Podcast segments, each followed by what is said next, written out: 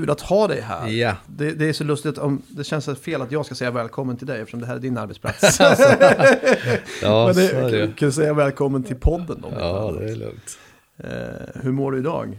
Jag mår jäkligt bra faktiskt, måste jag säga. Ja. Någon speciell anledning till det eller bara rent Ja, allmänt, ja, jag känner Vår, mig, vårkänslor? känner mig i fas, har precis eh, börjat träna faktiskt Jaha. lite grann också. Känner att det är dags. Ta Har det, har det legat lite i träda sådär eller? Ja, det har det gjort, eh, under väldigt lång tid.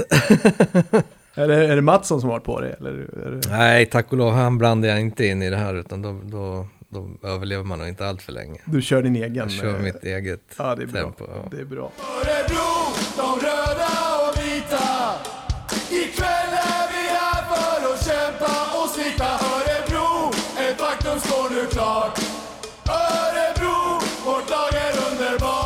Ja, men varmt välkomna till eh, den här nya podden. Det har, funnits, det har ju legat ut några avsnitt sedan tidigare, men nu är det liksom lite grann utav en nystart för Örebro Hockeys eh, podcast. Jag heter Per Johansson och jag ska vara er ciceron här framöver och intervjua intressanta både eh, nuvarande och eh, tidigvarande eh, Örebro-profiler, Örebro Hockey-profiler. Och eh, första gästen är eh, 47 år. Född i Södertälje men flyttade som tvååring till Arboga, sen också bott i både Köping och Västerås. Han tvingades ge upp spelarkarriären på grund av en skada som 21-åring och gick därefter över till att jobba som tränare i både division 1 och sen även i allsvenskan. 2005 så gick han över till att bli sportchef i Arboga, två säsonger i allsvenskan och därefter tre säsonger i division 1. Eh, rätt så långt. Stämmer bra det. 2010 gick färden vidare till Vik Västerås där Niklas hade sportchefsansvaret under sex säsonger men fick lämna då i januari 2016. Kom till Örebro i augusti samma år, 2016 alltså. Först i en roll som rådgivare och sen från december samma år sportchef, den post du alltjämt har. Ja, Välkommen hit Niklas Johansson. Tack så hemskt mycket, jättekul att vara här. Min första gäst i Örebro Hockeys nya podcast. Ja, det känns väl jäkligt bra. Känns det hedrande? Ja, det måste jag säga, att det, det känns fantastiskt fint. Ja. Har du en aning om varför det blev du? Nej, ingen aning. Väl- Ja, det finns ju mycket att surra om en sportchef Ja. tänkte vi. Så Ja. varför inte börja i den änden? Ehm, som sagt var, vi ska träffa både tidigare och nuvarande profiler och du är ju verkligen en, en nuvarande eh, som, ehm, ja det känns väl alltid, det är väl alltid aktuellt att vara sportchef jag på att säga. Det, det händer väl saker hela tiden. Ja, det gör det. Alltså, det finns ju egentligen ingen lugn period, utan allting har sin tid under året och det finns alltid saker att göra och jobba på. Du eh, nämnde att du är född i Södertälje, det blev inte speciellt många år där. Du var ganska liten. Ni... Ja, jag var ganska liten. Det var min pappa spelade hockey där i elitserien, gamla Mm. eh, elitserien och eh, sen när jag kom till så trappade han ner och la skridskorna på hyllan och så, så flyttade vi hem mot Arboga och min mamma hon eh, spelade handboll på landslagsnivå så att eh, hon slutade också med den när jag kom till så jag förstörde två karriärer där snabbt. Det var så? ja, det var det. Men du, eh, Köping och Västerås också. Eh, du har hållit dig längs E18 E20. Ja, det får man säga att det har ju varit en kanske ovanlig förmån i det här jobbet att man har kunnat hålla sig så pass eh, regionalt. Så Mm. det, det har känts jäkligt bra. Och det var logiskt då kanske någonstans att du hamnade i Örebro så småningom, som ligger ut med E18. Ja, exakt. Och det är, bor man i Arboga då är Örebro det naturliga steget vad det gäller allting egentligen. Vad gäller handla och gå ut på krogen eller vad som helst man var i de yngre åren. Eh, du nämnde där, eh, din pappa lirade hockey och mamma handboll, en, en sportig familj. Var det liksom en naturlig ingång för dig också då, med, ta- med tanke på pappa som spelade? Ja, det tycker jag. Och pappa lotsade ju in mig tidigt där coachvägen som väckte mitt, mitt intresse egentligen. Utan jag hade en yngre bror som eh, är två år yngre. Och han tränade honom och jag var med där ofta och gjorde övningar och ledde de träningarna. Så där får man tacka honom för. De här platserna du ändå varit på, vad, vad är mest hemma för Niklas Johansson? Ja, jag tycker nog det här känns mest hemma. Det här måste jag säga. Örebro? Ja, det gör det definitivt. Det är liksom vi ett skönt gäng på kontoret, bra tränare och allting runt omkring. Fantastiska fans och sponsorer. Så att det, det känns otroligt bra att jobba här måste jag säga. Du hade en ganska stark koppling, eller har till Södertälje ändå. Du berättade att du återvände även, även fast du bara var två när du flyttade därifrån, Mm. så, så var du tillbaka en hel del i Ja, vi, Kringelstan. ja exakt. Kringelstan. Nej, men eh, mamma och pappa hade ju gamla vänner där som vi besökte under min eh, ungdom, om man säger, till påsk och nyår, så firade vi tillsamm- tillsammans med dem. Så det, det var lite kontakter därifrån. Mm. Eh, och apropå att känna dig hemma i Örebro, då, vi kan komma in på det sen, men det ryktas ju om att du kanske är på väg att röra dig även geografiskt, bostadsmässigt. Åt det, åt det här hållet. Ja, alltså det, det, det känns ju nästan lite logiskt. Dels så min sambo nu pluggar och ska plugga i tre år till och min äldsta dotter har ju kommit in på Riksidrottsgymnasiet här och innebandy och ska väl gå där. Så det känns ju ganska dumt att man ska behöva åka 20 minuter, tre stycken i olika färdmedel. Så det, det, det skulle kännas bättre.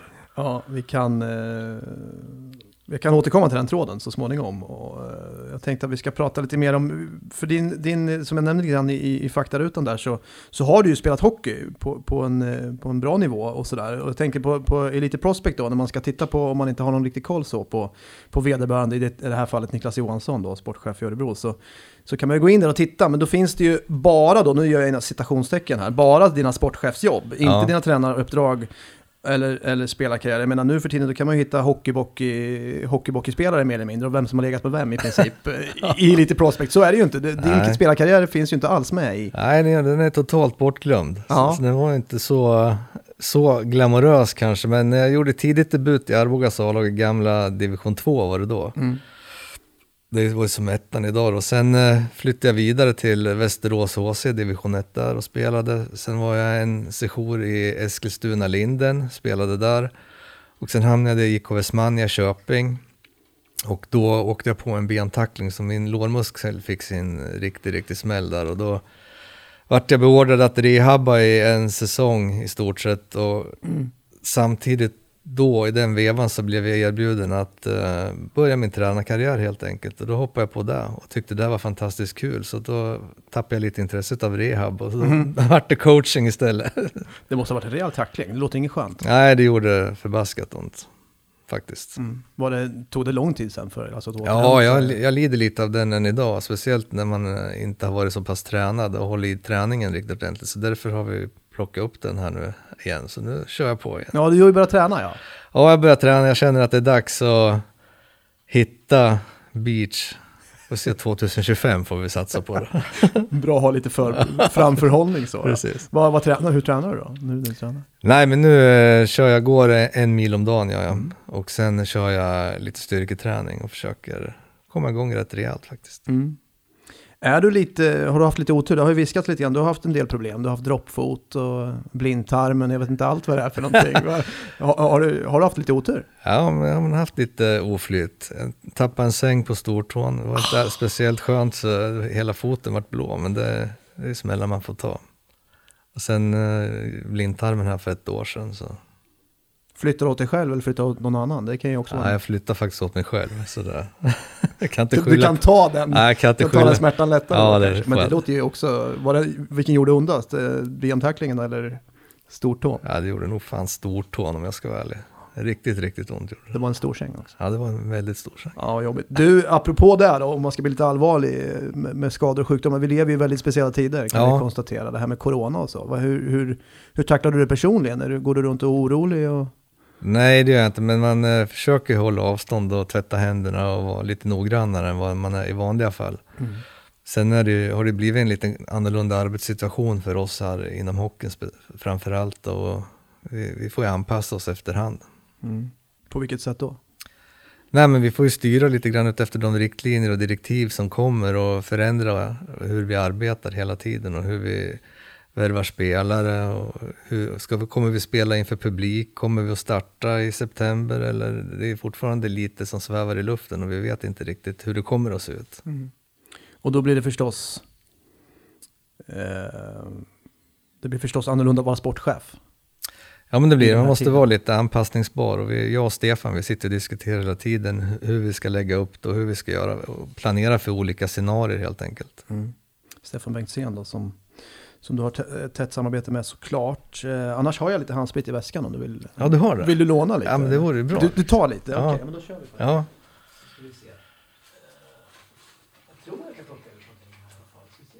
Jag har en sån liten. Det, här började jag med innan, innan corona. Jag Ja, har det gjorde så- Ja, jag har varit sådär. Du visste att det skulle komma Nej, jag bara, du vet.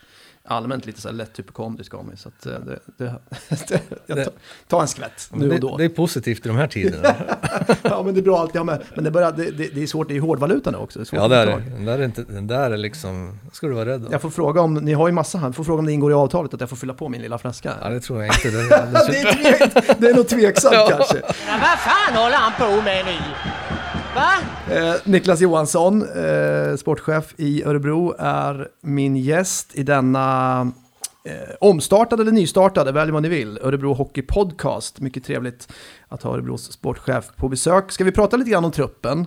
det kan vi göra. Ja. Eh, om jag har alla papper under kontroll här så har ni alltså 20 spelare just nu. Stämmer bra. Två målvakter, sju backar och elva forwards. Vad ytterligare förväntar du dig? Eller om du ser framför dig, vad, hur, hur många spelare till ska in? Många som ska in, vi får se lite grann här nu, men vi har ju en plan som vi har lagt, men eh, vi tar det lite från dag till dag där också, beroende på direktiv vi får där med, lite grann hur serien kommer se ut och hur vi kommer att starta. För det blir, ligger ju en ekonomi, ekonomisk bit i det hela också, kommer vi spela utan publik? Det vet vi inte. Kommer vi spela med publik? Ja, men då rullar det väl på som vanligt förhoppningsvis. Så vi måste ju anpassa oss där och ta det lite, lite försiktigt. Men självklart är det ett par spelare till som vi, vi vill ta in, som vi har som önskemål att ta in. Definitivt. Eh, ni har ju ändå värvat på en del under våren, gjort en del eh, ganska uppseendeväckande eh, värvningar. Jonas Enroth inte minst. Ja, Tung, tung målvaktsvärvning. Ja, mycket tung skulle jag säga. Det, det känns fantastiskt bra att vi har fått honom och, och även över tre år. Det Känns, eh, då har vi kontinuitet på den kanske svåraste posten att tillsätta skulle jag vilja säga. Ja. Så du är, så, där är du nöjd så att säga. Ni har, Ja, jag, är, jag är supernöjd. Jag rankar honom, eh, ja, om inte den bästa så topp två i den här ligan i alla fall bland målvakter. Så där, där sitter vi väldigt bra. ja, jag tänker med, med, med Enroth och Arntzen då, så är ni, där har ni målvakts Ja, det tycker jag. Ja, det som- tycker jag. Arntzen blir bättre och bättre för varje dag som går egentligen. Så Mm. det, ja, det känns positivt. Hade en nyttig, eh, nyttig tid i Almtuna också. Ja, det hade han. Eh, Det var mycket bra samarbete med Almtuna där vi kunde ge honom de matcherna han behövde för att kunna utvecklas på rätt sätt. Mm. Han var ju högst bidragande till att de klarade kontraktet, vilket de kanske hade klarat i alla fall eftersom man nu frös alla resultat. Ja, men, ja, precis, men, men han var ju precis. med och stod den där avgörande matchen. Ja, eh, mot Kristianstad var det väl om jag inte missminner mig. Och så har vi ju, eh, ja, såklart Emil Larsson och så då uppmärksammade, det tänkte jag vi skulle komma in på lite senare, men Rob- Robin Kovacs då förstås också. Ja. Jag Ja. har fyllt på med, med det intressanta namn. Robert Leino då, senaste tillskottet. Eh, När vi spelar in det här, vi vet ju inte vad som hinner hända tills den här podden släpps. Men, Så är det, Men, så är men det. Finland Leino, eh, vad kan du säga om honom? Nej, men det är en riktigt skicklig spelare. Han eh, ser isen fantastiskt bra och underbara passningar och bra driv i åkningen och han kommer bli väldigt nyttig för oss. Spännande. Han har inte spelat i landslaget. Nej, det har han inte, men han var på gång och skulle vara med i landslaget här nu innan coronan dök upp faktiskt. Så jag hoppas att vi kan utveckla honom ännu mer och bli en eh, bofast landslagsspelare. Han står på tröskeln som det brukar Han heta. står på tröskeln och har haft en jättebra utveckling i sin karriär. Spännande, Robert Leino alltså. Eh, på tröskeln till de finska lejonen då. Niklas Johansson, eh, sportchef i Örebro Hockey. Vi ska trampa vidare tänkte jag i podden. Gör det. Här kommer veckans 10 snabba. Ja, vi har ju ett segment som heter 10 snabba och eh, det tänkte jag vi skulle, du, du blir liksom lite försökskanin här Niklas. Ja, det känns ju Johansson. sådär. Ja, ja, men det tänkte att det, inte för lång betänketid utan liksom skjut lite från höften. Okej. Från hur du känner det här. Ska vi köra? Kör! 10 snabba. En egenskap som du uppskattar hos dig själv. Jag menar att jag är lugn. Lugn som en filbunke. Ja, lugn som en filbunke och gör inget överilat. Nej. En egenskap du uppskattar hos andra.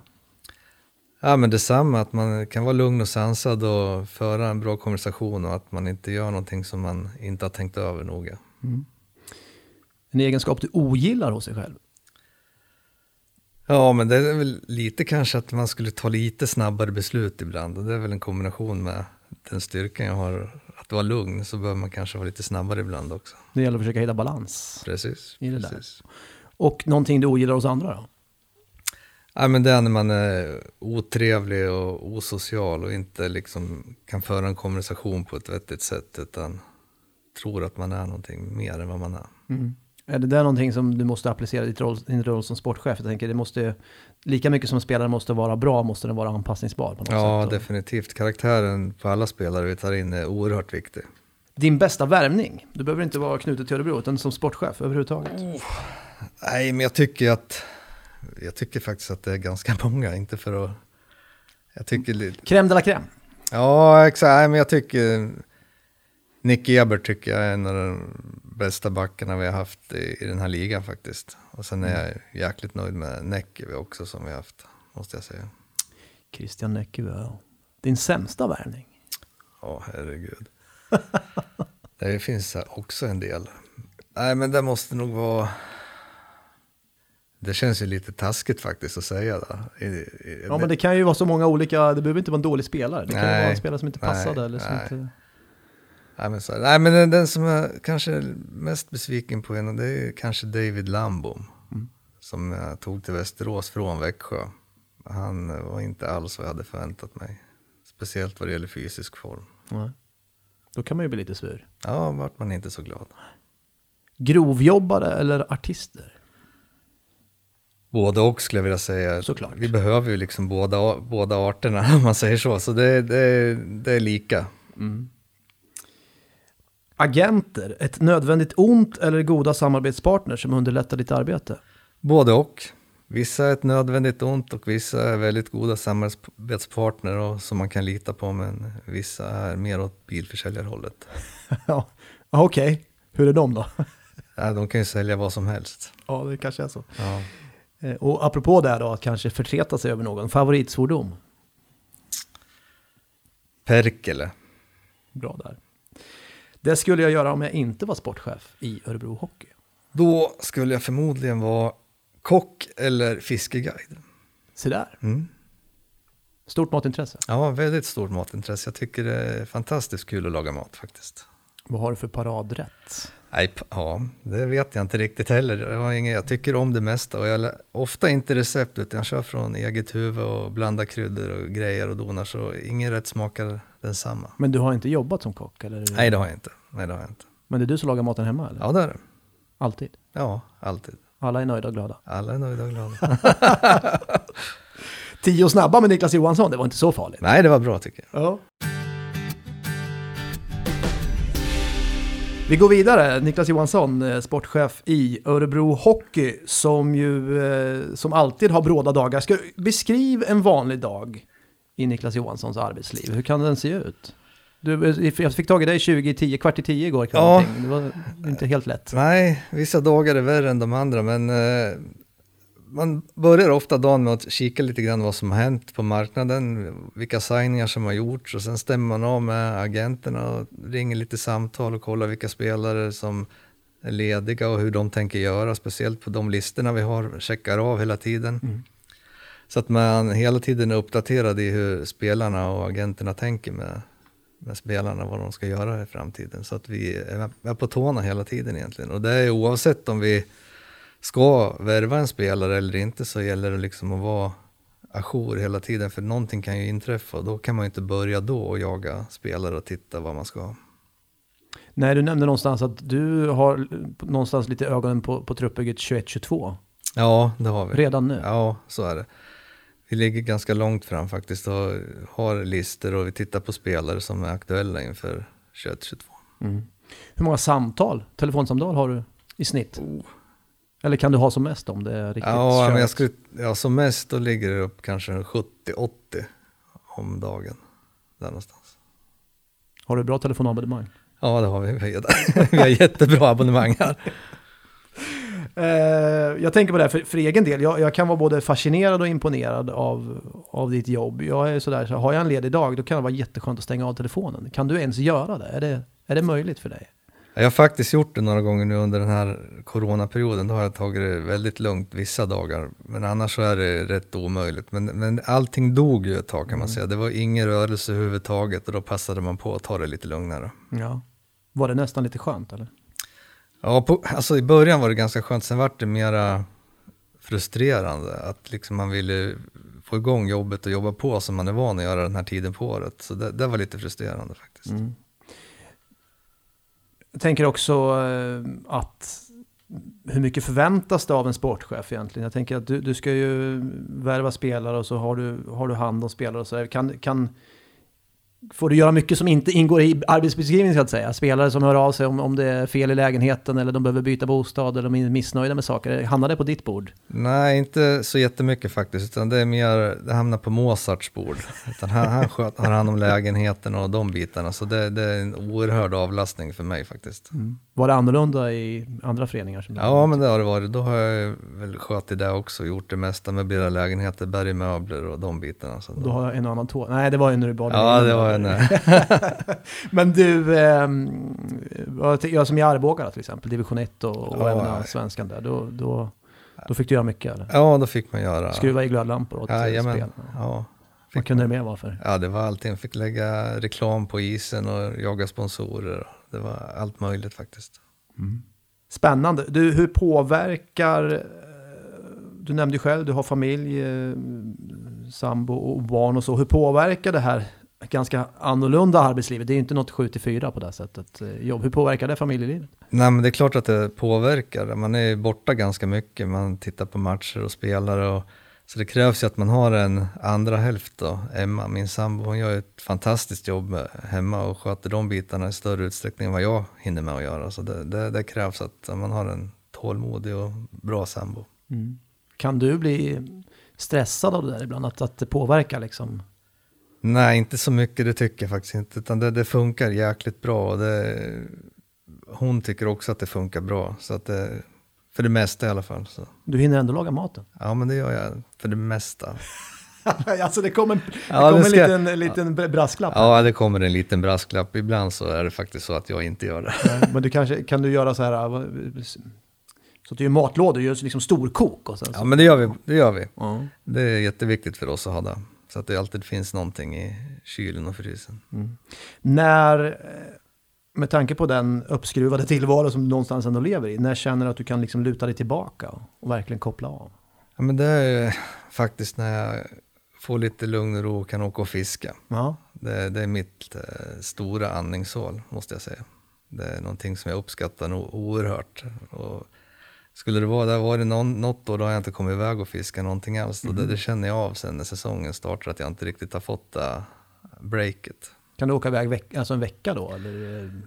Ja, vi brukar åka en vecka och fiska. Och den veckan är helig. Den, den tummar vi inte mycket på inte. Det är nästan så att du inte är nåbar heller i telefon. Då. Ja, då är jag inte nåbar. Då är jag inte nåbar. Tänk om, eh, tänk om eh, världens bästa värvning går dig förbi då under den veckan. Ja, då är det jäkligt olyckligt och då blir jag deprimerad. Men det, än så länge har det gått bra. Ja, Peppar, exakt. peppar. Exakt, exakt.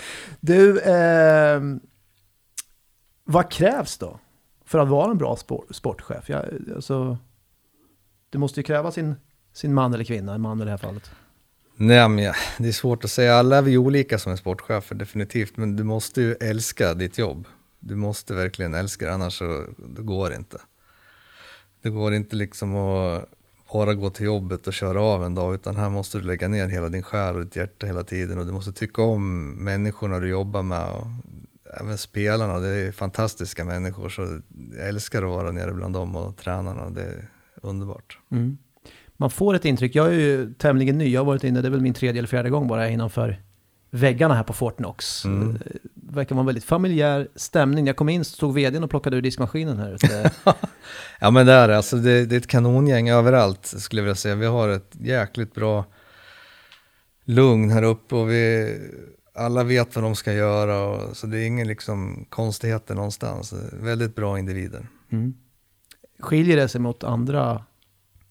Ja, men jag tycker faktiskt att det här tycker jag inte det finns någon riktigt så här som man känner att man stör sig på eller någonting. Utan här är alla väldigt dedikerade och sköter sitt arbete och tycker att det är kul också.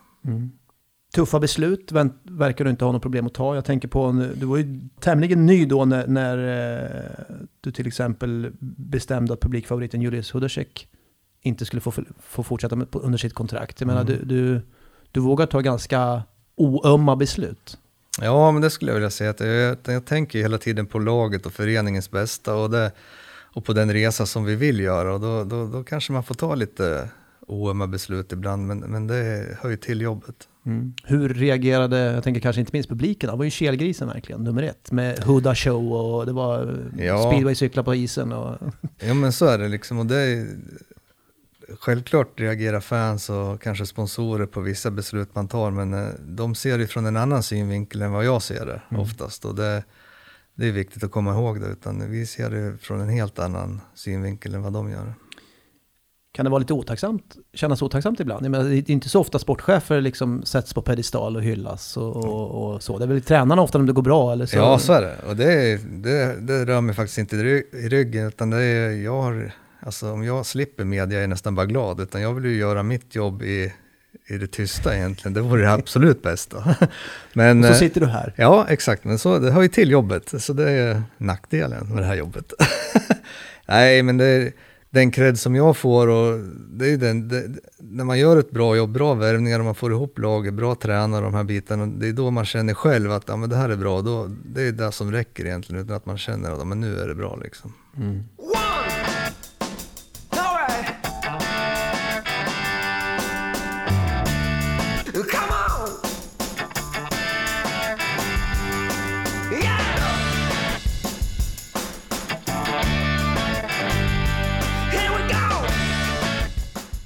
Jag pratade med Niklas Johansson, sportchef i eh, Örebro Hockey. Nu ska vi se, 16, 17, 17, 18, 18, 19, 19, 20. Det blir alltså femte säsongen.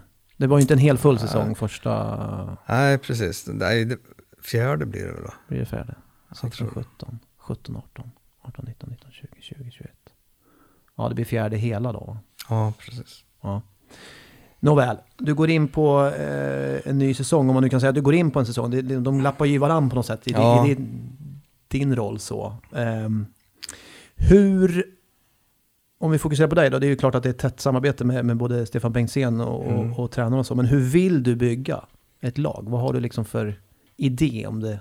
Nej, men vi vill ju bygga ett lag som med spelare som kan utföra det spelsystemet som vi vill höra, som vi har jobbat fram tillsammans med tränarna. Där är ju tränarna, har de en jätte, jättestor, stort ansvar faktiskt när det gäller den biten. Och jag tycker vi har kommit ganska långt och vi har tagit kliv under den här resan. Jättestora kliv tycker jag. Och eh, sen blir det, blir det lite broms nu då, när det här kommer, corona. Vi hade sett fram emot ett hett slutspel i fjol här nu då. Men så blev det ju inte, så vi får ladda batterierna och ta nya tag. Och vi har ju haft lite kämpiga år, speciellt de två första åren som jag var då var det kriget med kniven på strupen nästan hela tiden. Så att jag tycker att vi har fått lite luft under vingarna och gör det förbaskat bra. Mm. Vad är det som, vad var det som lyckades vända där då? För ni har ju lyckats bli en väldigt attraktiv klubb som till och med skäl från toppkonkurrenter. Jag tänkte Luleå vann serien, den har ni lyckats knyta både Robin Kovacs och Emil Larsson till er då. Vad är det som har gjort att ni har lyckats få den attraktiviteten? Nej men eh, nummer ett så tror jag att vi har ett eh, fantastiskt bra tränarteam som eh, utvecklar våra spelare. Jag tycker att alla spelare blir bättre när de är här. Och det tror jag är en viktig signal att sända utåt att kommer man till Örebro Hockey då blir man bättre som spelare. Det är nog nummer ett. Och sen har vi otroligt bra fystränare som har jätte, jättebra upplägg och jobbar jättebra med spelarna under sommarperioden här nu så att de är väldigt förberedda inför isen och vad som komma skall. Mattias Mattsson bland annat, han får inte komma där, nära dig då. Nej, jag håller mig borta från honom. Eh, ni har jobbat ihop tidigare förresten? Han har Ja, det har vi varit i Västerås. Ja, jajamän.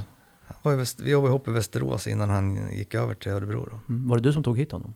Nej, det var innan. Han gick hit innan. Han gick in, alltså Mm. han tog hit dig? Ja, precis. Han tog hit mig. Du, ehm, det är ju intressant det här också med hur, alltså när man bygger lag då, det är ju beståndsdelar som ska bli eh, ett hus på något sätt. Ehm, vet, det, finns, det finns de som jobbar med Excel-ark med, med flera hundratals spelare och så. Jag har hört rykten om en whiteboard här som, som du och Stefan Ja. Bengtzén. Ja, men vi har en uh, whiteboard där vi sitter och klurar och skriver och suddar och stryker. Och, med olika gubbar. Olika färger också då? Eller? nej, inte olika färger Nähä. har vi inte. Nej. Tänkte så här, ofär, eller färdiga och möjliga. nej, det behöver vi inte ha. Vi har så bra koll på dem ändå. Så vi behöver inte ha olika färger. Okej, annars hade jag tänkt att jag tipsa om Ja, Om att ha olika färger. Men du, det, är det så att det är, eh, det är inte så här fast, det går att sudda. Det är inte så här Ja, det gör det. som- Nej, Med det går misstag att att man skriver, det har ju hänt att man har. Exakt, det vore ju olyckligt om man skrev upp ett namn där och sen gick det inte att ändra det. Eller hur? Men du, hur, hur, ehm, hur ofta suddar ni och håller på och, och mixtrar med det då? Nej, men det är i stort sett dagligen som vi sitter där och diskuterar och har heta diskussioner med spelare hit och dit och karaktärer och vad vi behöver. Det låter spännande. Men det är fantastiskt spännande och fantastiskt roligt. Så det, Och, och, och när det då går i lås, alltså när ni, när har suttit och klurat på en pusselbit, den här, till exempel säg Robert Leino nu då, som, Mm. som center eller, eller ytterforward, jag vet inte, ska han spela center? Ja, han ska Det center, Ja. När, när en sån grej går i lås, hur, hur känner sig Niklas Johansson då? Nej, men då känns det skönt. Då känns det som man får ett avslut och en pusselbit till är på plats. Och då minskar ju pusselbitarna som är kvar. Så det är ju jäkligt skönt. Men det tar inte slut där liksom Nej, någonstans? det tar inte det är liksom, det. Är ett pågående jobb, så är det. Och det, det tar nästan aldrig slut. Även fast serien drar igång så har vi det där värvningsfönstret 15 februari som man måste hela tiden vara förberedd på att se och utvärdera befintligt lag under resans gång och se om det är någonting vi kan göra. Du nämnde ju ehm, att du jobbar väldigt tätt med Stefan Bengtzén och även med tränarna. Hur är det med, med tränarna och deras spelidé? Kom, kan, de, kon, alltså, kan de komma med önskemål, konkreta spelarönskemål? Att, att, att, ha- att ha namn? Till. Ja, kan Niklas det- Eriksson komma med ett namn? Jajamän, det kan han göra. Det kan han göra. Gör han det? Ja, det gör han.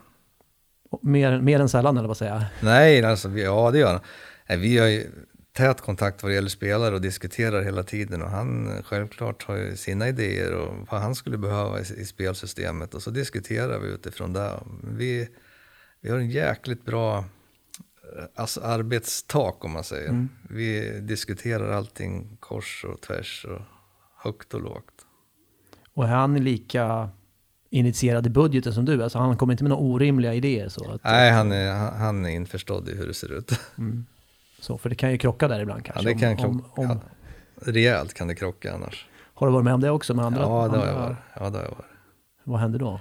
Blir problem? då blir det jäkligt stora problem. Då får man ju rita upp ett annat lag för dem och förklara. Nej, det är det här laget vi har råd med. Du kan glömma, stryka de där fem gubbarna. Blir det dålig stämning eller? Ja, Det kan bli det.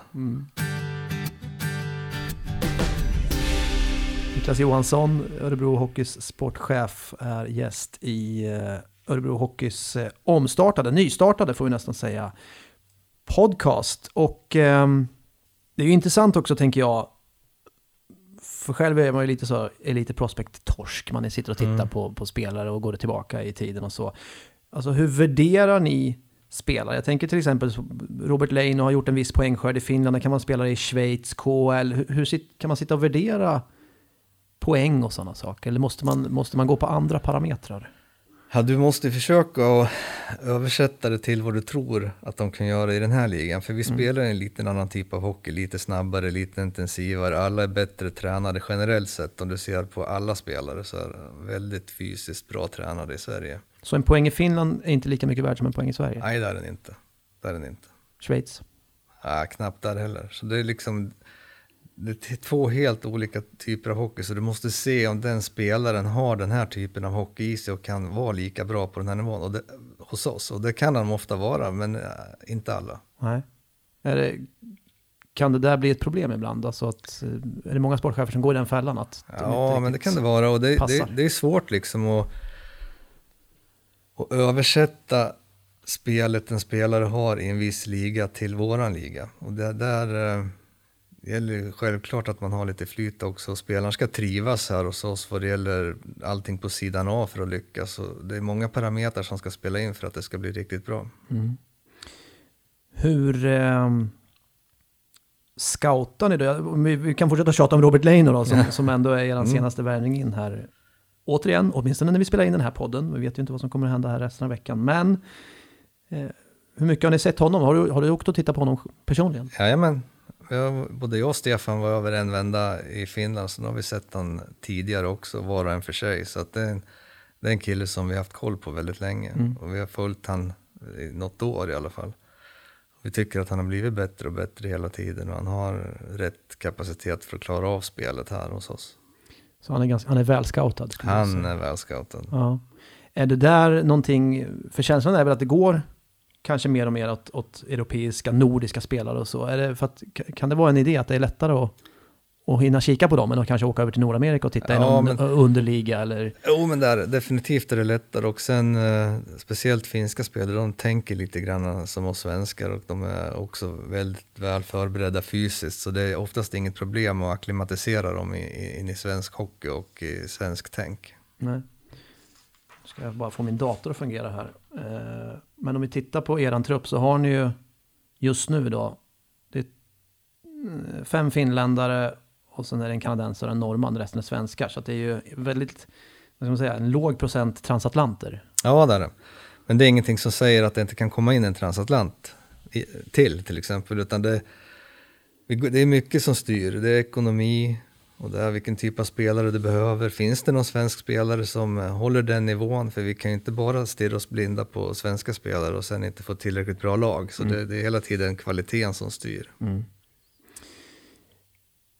Ska vi prata agenter? kan du? Ja, men alltså det, det var ju med de här snabbfrågorna då, om det var ett nödvändigt ont eller goda samarbetspartners. Så du vill ju, som den diplomat du är, säga att det var lite av både och. Det, det Ja. finns båda läger där någonstans. Definitivt. Men hur, hur, hur mycket styr agenter? Eller hur mycket måste du, liksom, hur mycket brandvägg är de för att du ska komma åt själva spelaren? Ja, men de styr ganska mycket. Har man inte en eh, bra relation med agenterna så kan ju de eh, hellre styra spelaren till något annat lag. Så det är otroligt viktigt att man kan ha en bra relation. Och hur upprättar man en sån? Nej, man håller ju kontakt och man pratar i telefon och man diskuterar mycket även med dem. Liksom. Så det, det finns jättemånga bra agenter. Finns det de du inte kommer riktigt överens med? Det är klart det finns de som jag kommer mindre bra överens med. Ja, det känns som att du nästan sänker tonläget. Du, du, det, är det lite så här het, är det lite tassemark det här? Du vill inte... Nej. eh, Nej, alltså jag skulle aldrig gå ut och säga vilka. Nej, det förstår jag, men- det- överhuvudtaget, är det ett ämne som, som är lite besvärligt? Eller? Nej, det tycker jag inte. Nej, det tycker jag inte. vad, vad, um, kan du bli irriterad ibland? Alltså kan du tänka att... att Ja, men det blir man. Det blir, pratar om, är, fort, är vi inne på agenten? Ja, ja, naturligtvis. Ja, men alltså det så kan ju, släpper jag inte så lätt. Nej, men det kan vi, både agenterna och jag kan bli irriterade på varandra, men det måste man ju få bli. De representerar ju spelaren fullt ut Mm. och jag representerar ju föreningen, så det är klart vi är oense om vissa saker. Ja. Skulle, vad skulle en sån sak kunna vara? Nej, men det kan ju vara vad som helst egentligen, att eh, en spelare kanske inte är nöjd med en lägenhet, agenten ringer och säger att ah, vi måste byta, men det är inte bara för oss att plocka fram en ny lägenhet hips hups, utan det är, det är en process det också. Det är inte gott om lägenheter i Örebro på det här viset. Ställs det många ultimatum? Nej, jag tycker det har blivit mycket, mycket bättre. Då var det värre förr i tiden. Då var, man skrev sina egna kontrakt och man kunde plocka in vilka klausuler som möjligt, då var det mer diskussion och Jaha. tjafs tycker jag. Det har blivit bättre. Mycket bättre. Ja. För jag tänkte också på det, här, för det känns ändå som att hockeyn är lite mer städad än om man jämför med fotbollen då. Speciellt den, den, den globala, stora fotbollen. Där känns det som att agenter styr i princip allting som händer och sker. De skriver in eh, övergångsklausuler innan de ens har flyttat till den klubben de ska flytta till.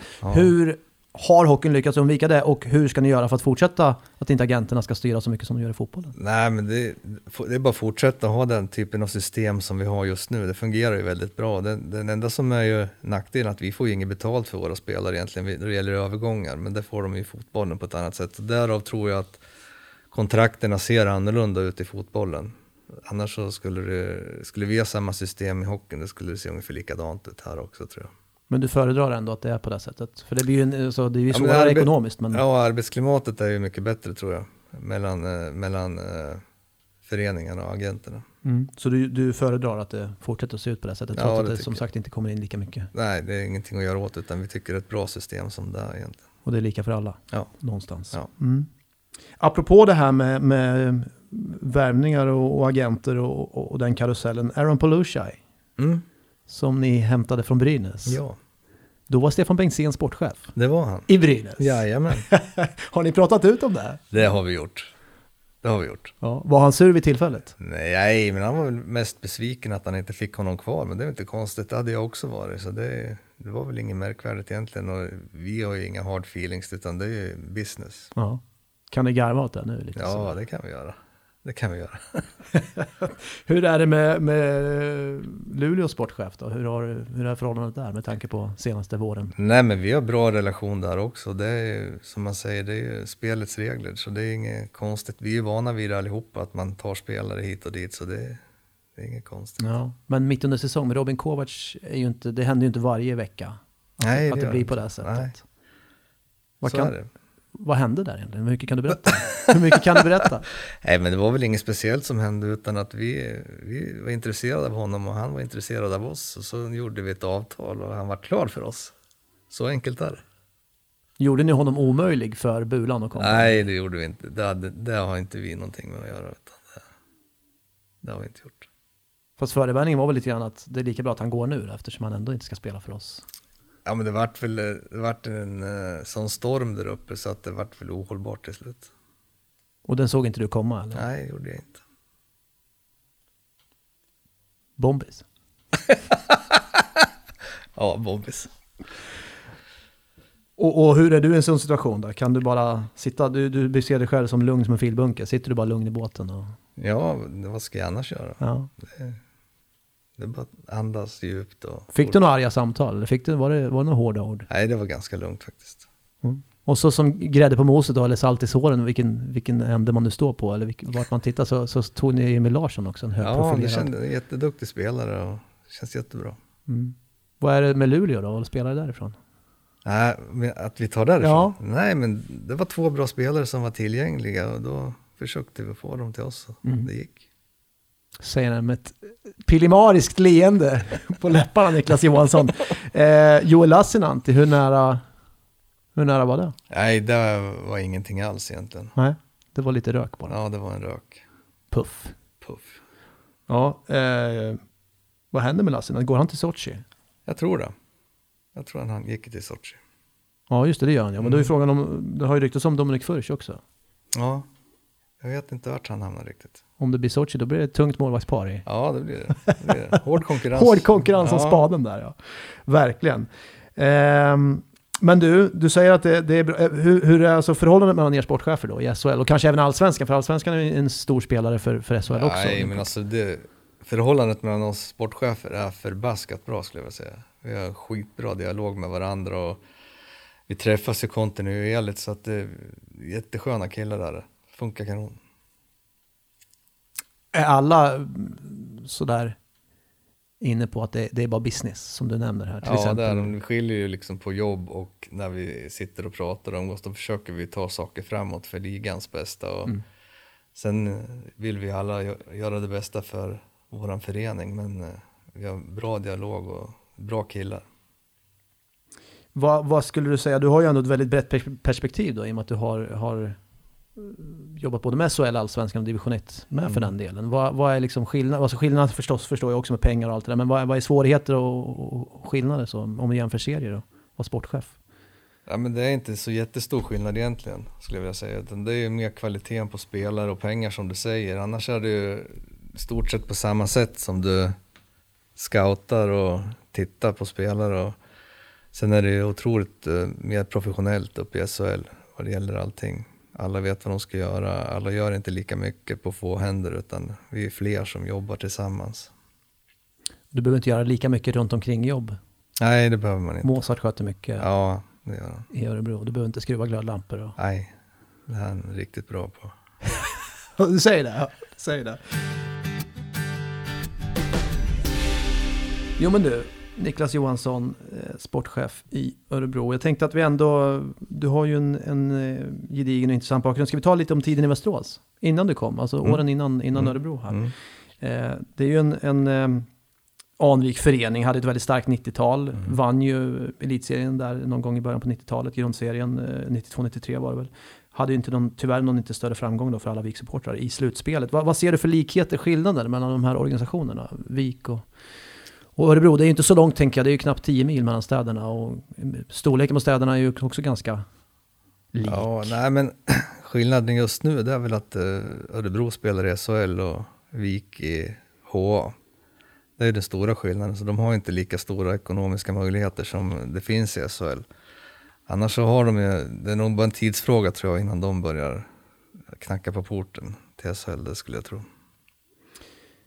Och du var ju där under, under sex säsonger då. Ni var ju väldigt, väldigt nära 2015 då. Ja, jag tycker vi gjorde fem bra säsonger egentligen. Där det var ju, vi kom femma, sen fyra, sen tre, sen två och sen vann vi serien och borde väl egentligen ha gått upp där. Karlskrona-serien där Ja, som... Eh, ja den, den eh, var inte rolig. Alltså den, den borde vi ha vunnit. Vi var mycket, mycket bättre än de spelmässigt och skapa mera chanser och sådana saker. Men, men det, de var effektiva. mm. Det var en lång sadden där. Ja, Joel Kjellman va? Som- ja var det han? Det kanske tror var. det var han ja. Kan det där liksom... eh, Kan det vara lite, nästan lite jobbigt att titta tillbaka? Alltså när man har varit så nära ändå med... Nej, det, ja, alltså det, det är absolut inte roligt. Man vill ju vinna hela tiden där man jobbar och trivdes bra där. Och det var tråkigt att vi inte fick gå upp faktiskt. Mm. Det som man kommer ihåg mest är väl nästan eh, Rögle-serien när André Devaux yxade ner Helmersson i, innan uppvärmningen. Just det. Vad hände där i efterspelet? Ja, det vart ett jäkla tjafs. Det var ett riktigt, riktigt liv att vara. Mm. Gick det till civilrättsligt? Ja, jag tror det. Jag, jag tror det gick. Jag är inte helt säker. Inte helt säker. Nej. Eh, men du fick som sagt lämna eh, Vik då, Vik Västerås eh, under säsongen 15-16. Hur, hur var det att inte få fullfölja en säsong? Ja, men den säsongen var ganska konstig. Vi hade ju eh, tidigare klubbchefen som hade varit där de fem tidigare åren, Anders Eklund, som är fantastiskt duktig på sitt jobb tycker jag. Men han eh, signalerade att han inte ville vara kvar då efter när vi inte gick upp eh, det året. Och då klev han där och det blev väl aldrig sig likt efter det skulle jag vilja säga. Utan det, det, det, det funkade inte riktigt bra. Så det var, nästan, var det nästan lite skönt att det, att det blev som det blev eller? Nej, skönt ska jag inte säga. Det är väl aldrig roligt att få, få gå någonstans. Men jag kände nog att man var ganska färdig där ändå. Ja. Det hade blivit din sista Ja, det hade det blivit. säsong Ja, det hade det blivit. Du hade klivit av självvalt. Det, det, den perioden däremellan då, det var ju på sommaren sen som, som du eh, hamnade i Örebro. Vad, vad hände där, den där mellanperioden, mellan januari och...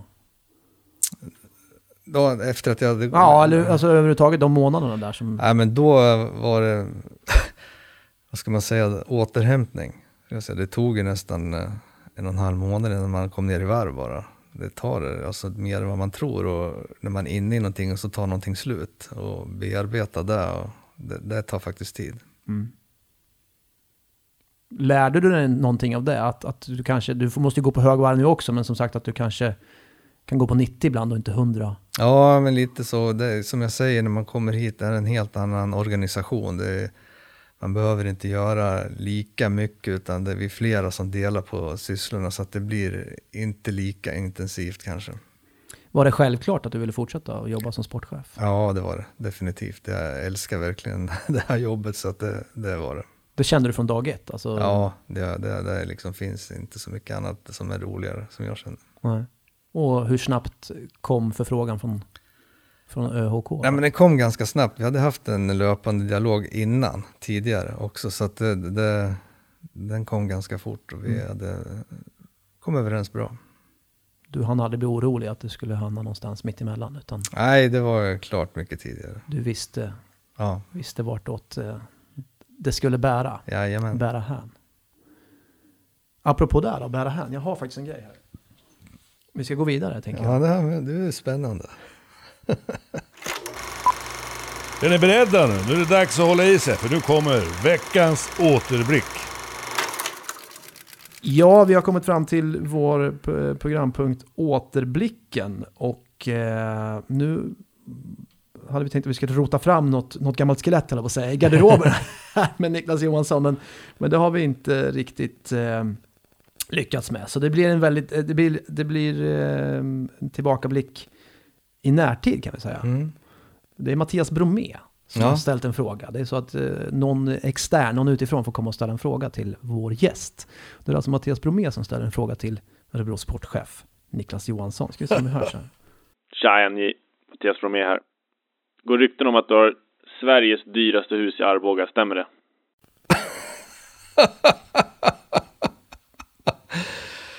Nej, det stämmer nog inte. Nej. Den där lilla parven, han har sina idéer. är det Arbogas dyraste hus då? Nej, det är det heller inte. Nej, men det är dyrt. Nej, det är det inte heller, men det kanske är det an mest annorlunda huset. Hur då? Ja, men det är en ombyggd gammal eh, frälsningsarmékyrka som är lite speciell. Ganska stora ytor alltså. Stora ytor, en läktare med, en- med en bar och ett biljardbord och lite sådana grejer. Se där ja. Jajamän. F- När får man komma hem? Det, du är välkommen alltid. Fast kan ni inte flytta nu snart? Eller hur var det? jo men det, vi vill ju hitåt så det... Ja, Mm. men hur, då måste ni ha, hur ska ni hitta något som matchar så du får plats med, eller ni får plats med alla leksaker då? Ja, det är ett problem. Det är ett problem. Man får, vi får slänga lite leksaker helt enkelt. Är det så? Jajamän. Men biljardbordet då? Det blir inte kvar? Nej, och det får stå kvar i huset. Du, ni lämnar över det? Vi lämnar över. Ni höjer, höjer priset lite. Ja, exakt. Men okej, så att du, du har lite p- publaunch där liksom? Ja, det har Med darttavla också? Nej, det har jag inte. Det kanske jag skulle sätta upp en. Med lite ansikten på olika... Ja, just det, just det, agenter. Ja, Men du, eh, så du är rackare på biljard då? ja men eh, hyfsad. Hyfsad. Ja.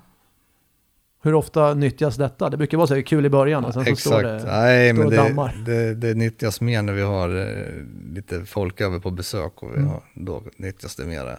Annars så står det mesta.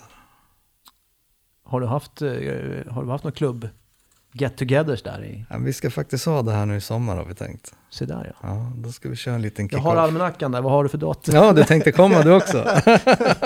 Ja, ja det hade ju varit trevligt Ja. säger jag. ja, vad spännande. Men du, eh,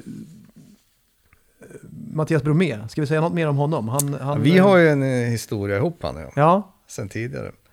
Han var ju i Västerås när jag var sportchef där och kom han upp som en liten parvel från junioråldern och sprattlade omkring där. Sen eh, kom vi till en punkt där vi kände att vi inte kunde ge honom speltid och då skickade vi upp honom till Asplöven. Och det var han inte så jäkla nöjd med kan jag säga, utan han frågasatte det där ganska starkt varför han skulle åka ända dit upp när det fanns lag i Stockholmsområdet. Men, men det visade sig vara ganska bra beslut att han fick åka upp dit och stå på egna ben. han hann under Per Kentes vingar. Jajamän, Då blev det bra. ja Han är ganska tacksam för dig idag kan jag tänka mig. det tror jag han är. Ja. Det är en, en rejäl, alltså vilken, vilken utveckling. Ja, fantastisk utveckling. Han, är, han har tagit jätte, jättekliv och jag unnar verkligen honom att få chansen i Detroit nu och hoppas att det går jättebra. Han byter ett rött lag mot ett annat. Ja, det, han är smart. Så att han ska känna igen färgerna. men du, eh, hur nära förestående, är det- eh, nu, nu tjatar jag om flytten här, men hur nära förestående? eh, Ja, det vet jag inte riktigt, utan vi får ta det lite grann som det kommer. Men ni är på marknaden så ni ja, letar? eh, vi, vi letar, vi tittar lite. Men blir det hus då? Ja, det lutar åt det.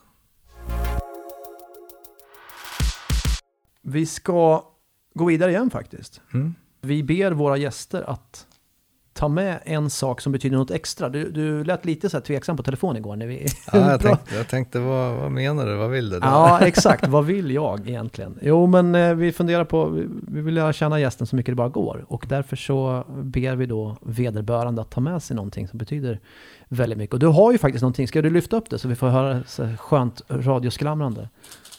Ja, vad kan det här vara? Det ser som en julkalender nästan, massa olika. Olika varianter. Berätta! Ja, det här är en, en ask full med flugor, Ja, fiskeflugor. självbundna. Nej, ett par är självbrunna men vissa är inköpta också. Ja. Vad betyder den här lådan för Ja, dig? den betyder ju allting. Jag älskar att hålla på och binda flugor och hålla på och peta med de här flugorna och dona och greja med fiskesakerna. Det är ju mental återhämtning skulle jag vilja säga. Mm. Får jag titta? Ja, ja, du, får, du får sprita av den. sen. Ja, det är lugnt. Kör, kör. Jag är ju, kan ju ingenting i princip om Nej. detta. Var, var kom intresset från början? Det kommer från min morfar. Mm. Han eh, lärde mig att fiska från början och då var det gäddfiske för fulla slanten och vanligt eh, mete med korkflöte. Mm. Och sen har jag utvecklats med tiden. Jag fick faktiskt mitt första flugspö av honom när jag var åtta år. Så var det liksom fluga var din inkörsport till? Nej, det var ju först gäddfisket Ja. egentligen. Men sen eh, när jag fick flugspöet så fastnade jag för det ganska snabbt. Så jag flugfiskade både gädda, öring och harr och det mesta. Mycket Mälarfiske. Du, liksom, du har ju rört dig i Mälarregionen. Ja, jag har både Mälaren och Hjälmaren är nära till hands. Det Båda dem har du fiskat upp, eller de har, Fiskat de, slut. Ja, de har vi fiskat slut. Så att nu söker jag nya områden. Nya jaktmarker. Ja, de, här, de här veckoresorna då, var brukar de gå någonstans? Då åker vi faktiskt till Norge för tillfället. Ja. Det- Det kan variera lite, men nu de sista åren har vi haft stående till Trysil i Norge. Kan bli tufft i sommar, de släpper inte in svenskar. Nej, vi funderar, vi håller på och klurar i hur vi ska ta oss över gränsen. Ja. Mm. Vi säger inget mer än så eller? Nej, vi säger inget Det- mer så. Hitta en lucka i stängslet. Un, under natt, Ja, under nattetid, natt- så kommer en, nattetid. en, en, em, karavan med svenska fiskare Jajamän. som ska in. Se till att ni har, hur, hur gör man med fiskekort? Jag vill säga, Vi går inte in på det där, det blir bara, det blir bara konstigt. Men du, någon, har du någon favorit i den här boxen här? Är det någon som, som har ett speciellt minne? Nej, det vet jag inte riktigt. Ja, kanske faktiskt. Här nu, sist då vi var uppe i fjol, då var den här gula forsländan som var fantastiskt attraktiv för herrarna. Vilken är det där säger du? Den här. En gul, ska du beskriva den? Har du, är, det den, är det också en, är den självbunden eller? Nej, den är faktiskt inköpt. Ja, Ja, men den eh, fiskar otroligt bra, ligger högt på ytan och eh, det var den som de valde. Vi provade väldigt mycket men eh, till slut så var det den som var gångbar. ja. Vad har du för, alla fiskare brukar ha en fiskhistoria eller en, en favoritfångst så. Har du någon? Nej, men jag har faktiskt en, eh, en, en fiskekompis från en barndomskompis. Så han och jag, vi var och fiskade uppe i Lima. Ja, Dalarna. Ja, och han ha- hade hett temperament på den tiden, så jag står en 50 meter uppströms och så tittar jag neråt och då står han på en sten och vevar frenetiskt med flugspöet och till slut så tar han flugspöet, kastar ut det mitt i älven och sätter sig på stenen bara. Så jag tänkte, men vad fan håller han på med? Så jag vandrar ner till honom där han var så jäkla lack vet du, så att det, det var slutfiskat efter det. Och du, din, din lugna vana trogen, du, du bara tittar på honom. Ja, det på. såg ju jäkligt kul ut. Hur, hur mycket ska um, Örebro-fansen hålla tummarna för att du får bra fiske? För du sa ju själv det, det är ditt andningshål, du behöver Ja. Hur mycket ska de hålla tummarna för att det det går bra i, brukar- i fiske så att det ska gå bra i värvningskarusellen sen? Ja, men det är ofta så. Går det bra i fisket och man får bra man hitt, då, då går det ofta bra med värvningarna också. Det går hand i hand. Hur mycket kan du jämföra fiske med, med sportcheferiet? Jag tänker på det här att hala ut tråd och dra in. Och, Nej, jag kan, det går inte att jämföra någonting egentligen om man ska vara ärlig, utan det, det är två helt skilda saker. ibland får man upp en ful fisk, ibland får man upp... Alltså. Eh, vad säger man? om 14-taggar kan man inte säga. Det är ju, det är ju jakt. Vad säger man när man får upp en riktig prakt, ett praktexemplar? Nej, men jag får upp en drömfisk kanske. Drömfisken. Ja, Vad är drömfisken för Niklas Johansson? ja men det är nog en, eh, en stor öring på uppåt en 5-6 kilo. Är den fortfarande, finns den fortfarande på bucketlisten? Den Ja, den inte finns där. Den finns där. Den största jag fått är 3,6 så där behöver jag Bättra på. snäppa upp mig lite. Ja, vad härligt. Eh, kommer den i sommar tror jag? Jag tror det, jag har den känslan i kroppen. Mm. Jag har samma känsla vad gäller hockeyn. Den kommer nog att bli jäkligt bra den här vintern. Härligt. Eh, jag har fått lära mig också att man inte ska, man ska inte, det är ungefär som med teater, man ska inte säga lycka till, man ska säga sk- skitfiske. Ja, skitfiske. Skitfiske på dig, Ja. får säga det då. Ja, Men du, vi är inte riktigt, riktigt klara än Niklas. Vi har faktiskt en liten grej till. Om du har tid att sitta kvar. ja kör på. Så ska vi faktiskt tävla. Okej. Vem där, vem där, vem där, vem där? Vem är det som är där? Ja, Niklas Johansson, sportchef i Örebro. Du har fått ett papper och en penna framför dig.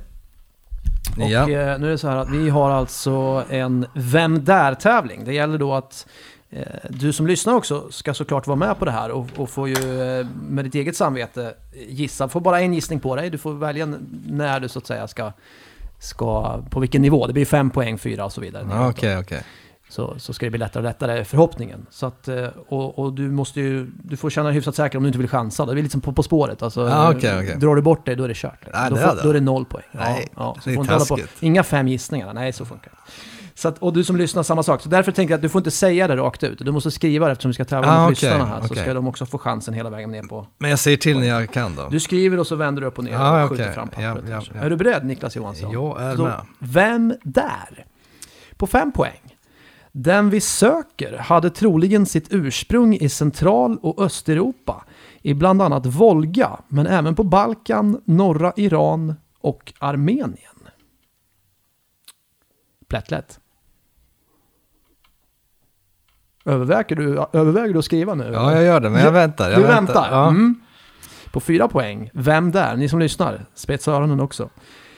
Den lever i långsamt rinnande vattendrag, sjöar och vikar med inte för hög salthalt eller för lågt pH.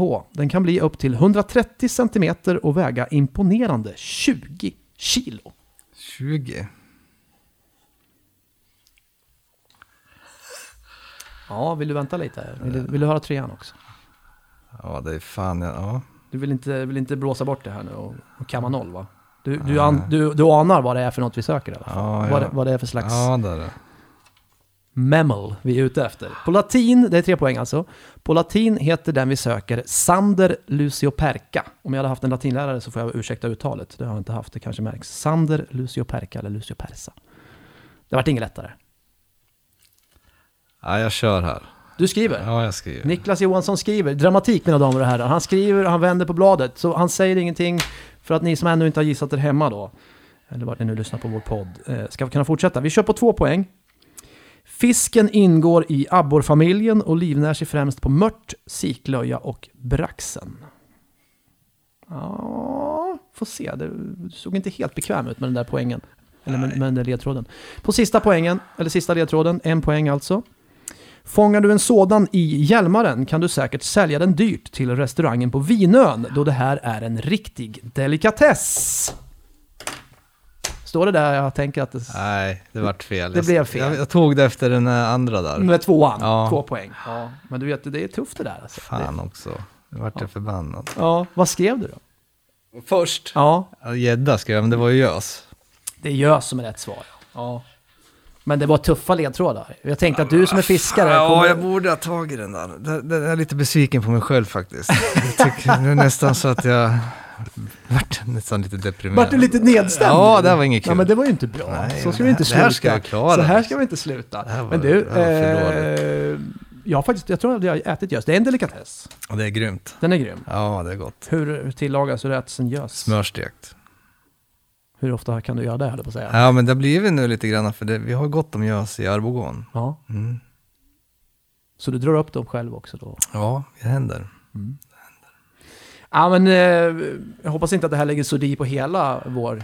Nej, Vår och stund här nu, tillsammans. Nu, nu, nu vart det inte bra. hur, kan vi, hur, kan vi, hur kan vi förbättra stämningen? Nej, ingen aning faktiskt. Nej, jag förstår. Ja, men du, ät, du får ta en gös i, ikväll eller någonting. Käka smörstekt gös. Jag får göra det, jag får göra. Sådär. Eh, Niklas Johansson, stort, stort tack Tack själv, det var jättekul. för att du kom och var premiärgäst i Örebro Hockeys eh, podcast. Jag heter Per Johansson och eh, den här sändningen produceras av Peraspectra Produktion i samarbete med Örebro Hockey för Örebro Hockey. Vill du komma i kontakt med oss, ha synpunkter eller idéer kanske inför kommande program så finns vi såklart på sociala medier. Det är bara att söka upp oss där. Vi hörs snart igen är vår alldeles stora förhoppning då med någon annan. Tack för att ni har lyssnat hörni och ha det riktigt bra. Ta hand om er. Hej då! Örebro